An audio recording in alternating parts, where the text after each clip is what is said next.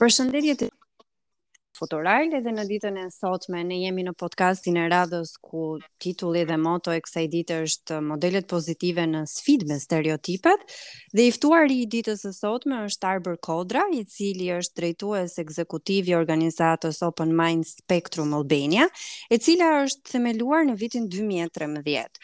Arbër përshëndetje. Përshëndetje Doralda dhe shumë faleminderit për ftesën. Shumë kënaqësi edhe besoj edhe uroj që të gjithë ata që po na dëgjojnë do ta vlerësojnë këtë model tëndin pozitiv dhe do të mundohen që të gjejnë pika referimi shumë të rëndësishme për për veten, por edhe për komunitetin.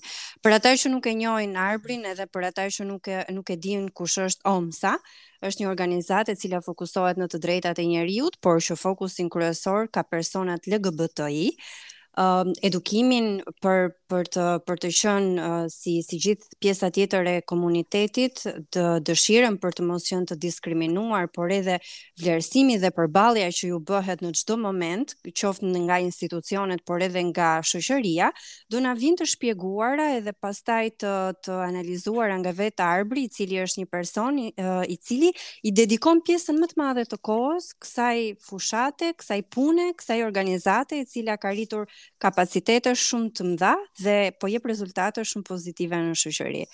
Përshëndetje Arbër edhe të lutem ndaje me ne këtë modelin tënd pozitiv. Faleminderit Doralda edhe një herë. Në fakt unë dua të përgëzoj edhe ty për uh, për këtë cikël podcastesh që bën me me modele pozitive për njerëz që mund të japin dhe mesazhe për ata që nuk e kanë fuqinë për ta dhënë këtë mesazh për momentin. Mhm. Mm Arbër, më thuaj, si ka qenë qasja jote me organizatën, pse një organizatë e cila fokusohet tek të drejtat e komunitetit LGBTI? Ëhë. Atëherë, OMSA kur, kur jemi krijuar në vitin 2013, uh, Unë në fakt duke qenë si një si pjesë e aktivistëve të parë në grupin e, e personave LGBTI, mm -hmm. ë dhe duke parë që një organizatë nuk ka kapacitet që t'i bëjë apo t'i mbulojë të tëra çështjet, ne ë ideja ishte që krijuam një grup tjetër mbasi u krijuan dy organizatat e para dhe ne krijuam OMSA-n dhe duke shtuar disa ë disa çështje të tjera që nuk mbuloheshin aso kohë mm -hmm. nga nga organizatat këtë periudhë. Dhe e filluam kryesisht ë um, uh, vërtet ideja e OMSA-s është me uh, është e gjerë, ë uh, mm -hmm. lidhje me të drejtat e njeriut, por uh, fokusin kryesor ë uh, edhe të veçantë ia dhamë komunitetit LGBTI si dhe unë që jam vetë pjesë e komunitetit mm -hmm. dhe filluam me me grupin uh, lokal, më saktë, grupin shqiptar të prindërve të personave LGBTI, i cili është një grup edukativ që kemi krijuar prej asaj kohe.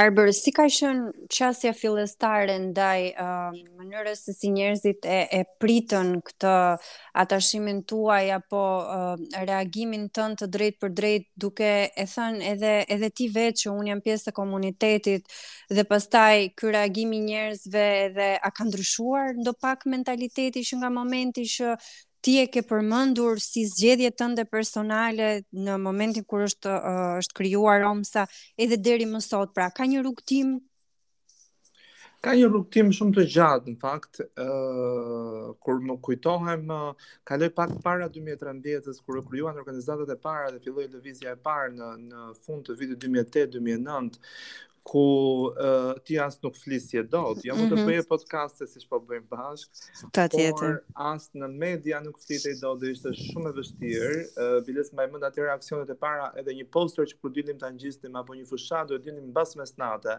Ka një mm. ndryshim, mm. po, ka një ndryshim sepse flitet për komunitetin, ka një ndryshim sepse shoqëria ka filluar të bëhet më e hapur, sigurisht shkalla e homofobisë është akoma e lartë, realist në këtë çështje.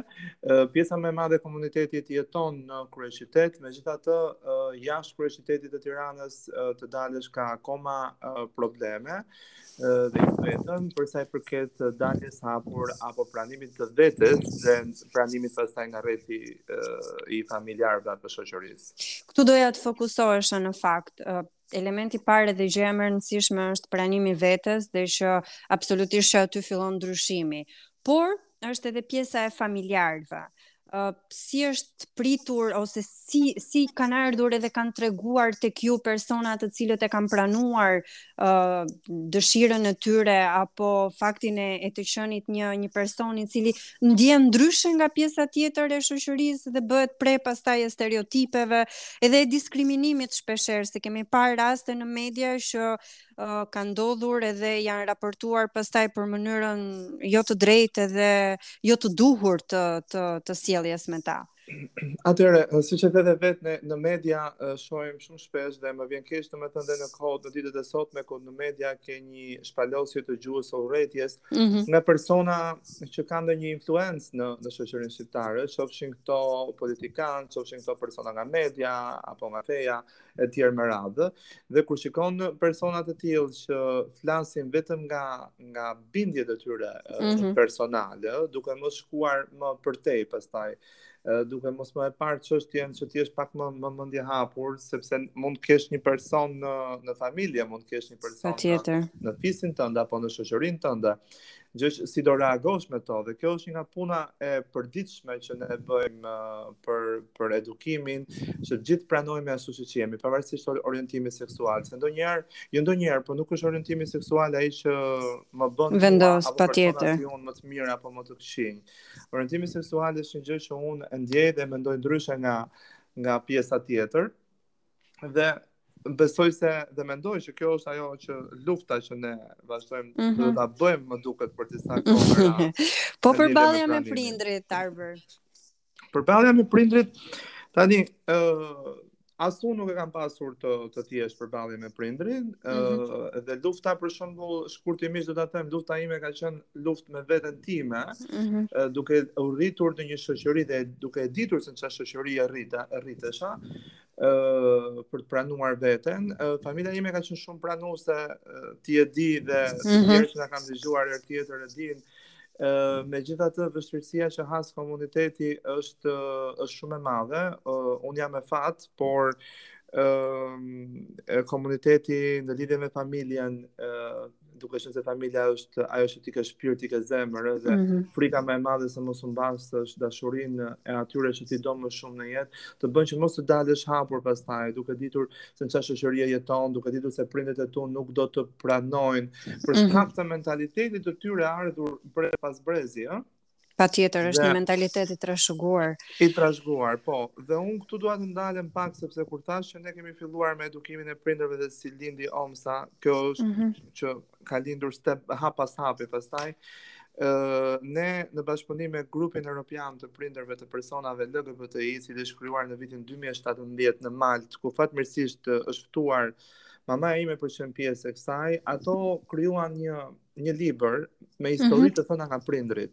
Një libër shumë edukues në fakt, ë uh, për të dëgjuar dhe për të lexuar historitë e prindërve, uh, një libër për prindërit dhe nga prindërit që ka të bëjë me daljen e hapur dhe dëgjimin. Domethënë me histori nga gjithë Evropa se si prindërit dhe fëmijët e tyre uh, flasin dhe uh, të pranojnë njëri-tjetrin kur fëmija del hapur, Dhe se si dashuria e pastaj mund të mposhtë frikën dhe dyshimin. Në fakt është një libër shumë i bukur që uh, do të gjendet tashmë në në tetë bibliotekat e Tiranës. Mm -hmm. Pastaj ne do të vazhdojmë dhe më tej në në gjithë Shqipërinë, që ku gjithsecili dhe ata që nuk kanë dalur nuk kanë dalur hapur Doralda apo dhe po, një që ka frikë mund ta marrë atë libër for free është falas, mund ta marrë dhe ta lexojë ndoshta edhe në fshehtësi për të marrë. Arbër, unë këtu doja në fakt ta theksoja përpara se ti të vazhdosh me me pjesën tjetër të diskutimit. Është një libër i cili uh, nuk nuk të lejon ty që të gjykohesh se po e lexon, nuk ka nevojë që të justifikohesh se aty je duke lexuar disa histori që të bëjnë të kuptosh se fëmija ti e ke tënden, pra fëmija është një një krijesë e jotja që pavarësisht se si mund të jetë në raport me shoqërinë, është, është duhet pranuar në mënyrën se si është dhe ndoshta historitë ti kupton se janë shumë të ngjashme me njëra-tjetrën, pavarësisht kulturave dhe mënyrës se si janë menaxhuar po. në kohë apo nga individë të ndryshëm. E vërtetë kjo, shumë e vërtetë dhe të them të drejtën, unë e pranoj dhe e them gjithmonë librin në Nuk e kam lexuar dot sepse është një libër shumë është aq edukativ, mm -hmm. aq dhe i dhimbshëm kur ti dëgjon historinë e kalvareve që kalojnë prindër për shkak të kulturave siç e përmende, apo mentalitetit të tyre apo asaj brymosjes se si janë rritur ata në në kulturat e tyre. Megjithatë, megjithatë ë uh, ka gjithmonë një fund i lumtur që ia kanë dalë në fund sepse fundja të pranosh fëmijën tënd, fëmijën tënd që ti e ke e ke lindur vetë, e ke ngjizur vetë Dhe kjo është pastaj një nga gjërat, një nga arritjet më të mëdha, sepse fundja dhe prindi për fëmijën dhe fëmija për prindin është dashuria shumë e madhe që mos të jenë larg njëri-tjetrit. Në fund të fundit jeta është shumë e shkurtër për të mbajtur disa disa mërira apo mospranime për sa i përket mhm. fëmijës tënd apo prindit tënd. Arbër, cilat janë disa nga sfidat e komunitetit sot? Pra, ndoshta nevojat dëshirat apo mundësitë kanë ndryshuar nga ajo që folëm pak më herët, por sot, çfarë do të nënvizoje ti si, si diçka që është shumë e nevojshme për të thyer ato stereotipet edhe për të hequr dorë nga diskriminimi, por të nxitim pranimin e tjetrit ashtu siç është, për sa kohë që asnjëri nuk dëmtohet. Dëgjo, uh, një punë që ne më fal që do të mendoj që do vazhdojmë të bëjmë gjithmonë, uh, nuk e di të them për sa kohë, mm -hmm. uh, rritja e ndërgjegjësimit të komunitetit për pranimin, për pranimin mm -hmm. uh, që të njerëzit mos na shohin vetëm nga pikëpamja uh, seksuale, por në fund të ditës të na shohin si njerëz si gjithë të tjerët. Uh, një nga ka shumë sfida, por një nga sfidat kryesore që unë do ta veçoja është sfida e punësimit. Pse them sfida e punësimit, sepse komuniteti ka vërtet punësim dhe pjesa më e madhe e komunitetit jeton me familjet e tyre apo varet mm -hmm. ekonomikisht nga familjet e tyre. Dhe kjo pastaj çon në një arsye pse komuniteti nuk del hapur, sepse nëse familja jote nuk të pranon, ti do hidhesh në rrugë pastaj dhe nuk ke asnjë lloj burimi ekonomik apo fundi edhe ku të futësh kokën. Kështu që këtu ne i mshojmë atij fakti që uh, pun, komuniteti të punësohet dhe që të luftojmë me me punën tonë me bizneset për sa i përket kësaj çështjeje. Tani ne si organizata të paktën ka disa çështje që vazhdojmë kërkojmë jo vetëm mhm. shoqërisë por edhe qeverisë. Për shembull, te çështja e edukimit është ndryshimi dhe miratimi i kurrikulave mësimore, që t'u krijohet një situatë dhe mjedis më i pranueshëm ndaj komunitetit në sistemin arsimor, ëh. Mm -hmm. Pastaj po diskutojmë për mundësinë ligjore për uh, protokollin për persona transgjinorë dhe për njohjen e identitetit gjinor. Pastaj është dhe ndryshimi i, i kodit të familjes, që do jepte një uh, një uh, shtysë apo një mundësi më të mirë uh, dhe një njohje ligjore për personat që duan të bashkëjetojnë. E faktin e faktin e bashkëjetesës. Bashkëjetesës nuk po, po. flasim as për martesën dhe as për birësimin, por një bashkëjetesë ligjore që të njihemi me të drejta të plota ligjërisht. Ëm uh, pastaj sfida të tjera ka ka nga më të ndryshme deri te përballja në shoqëri apo me persona në rrugë apo apo varet ka ka shumë gjëra përveç këtyre që përmenda, të cilat mendoj se janë më më kryesoret. Arbër, por mbi të gjitha, mbi të gjitha këto sfida e, e mbi të gjitha këto problematika që ne i përmendim edhe po i flasim dhe bëjmë shumë mirë që i flasim, ë ti je konsideruar si një model pozitiv dhe unë do doja që uh, ai modeli pozitiv që Arbëri është të dalë me një mesazh apo me një thirrje për të rinjtë të cilët ndoshta sot të dëgjojnë edhe mendojnë se ok, mund t'ia dalin dhe duke kërkuar këtë mbrojtjen e nevojshme, mund të jenë njerëz të cilët mund të përfshihen në komunitet si çdokush tjetër, pa pa u gjykuar për preferencat seksuale apo apo gjithçka tjetër.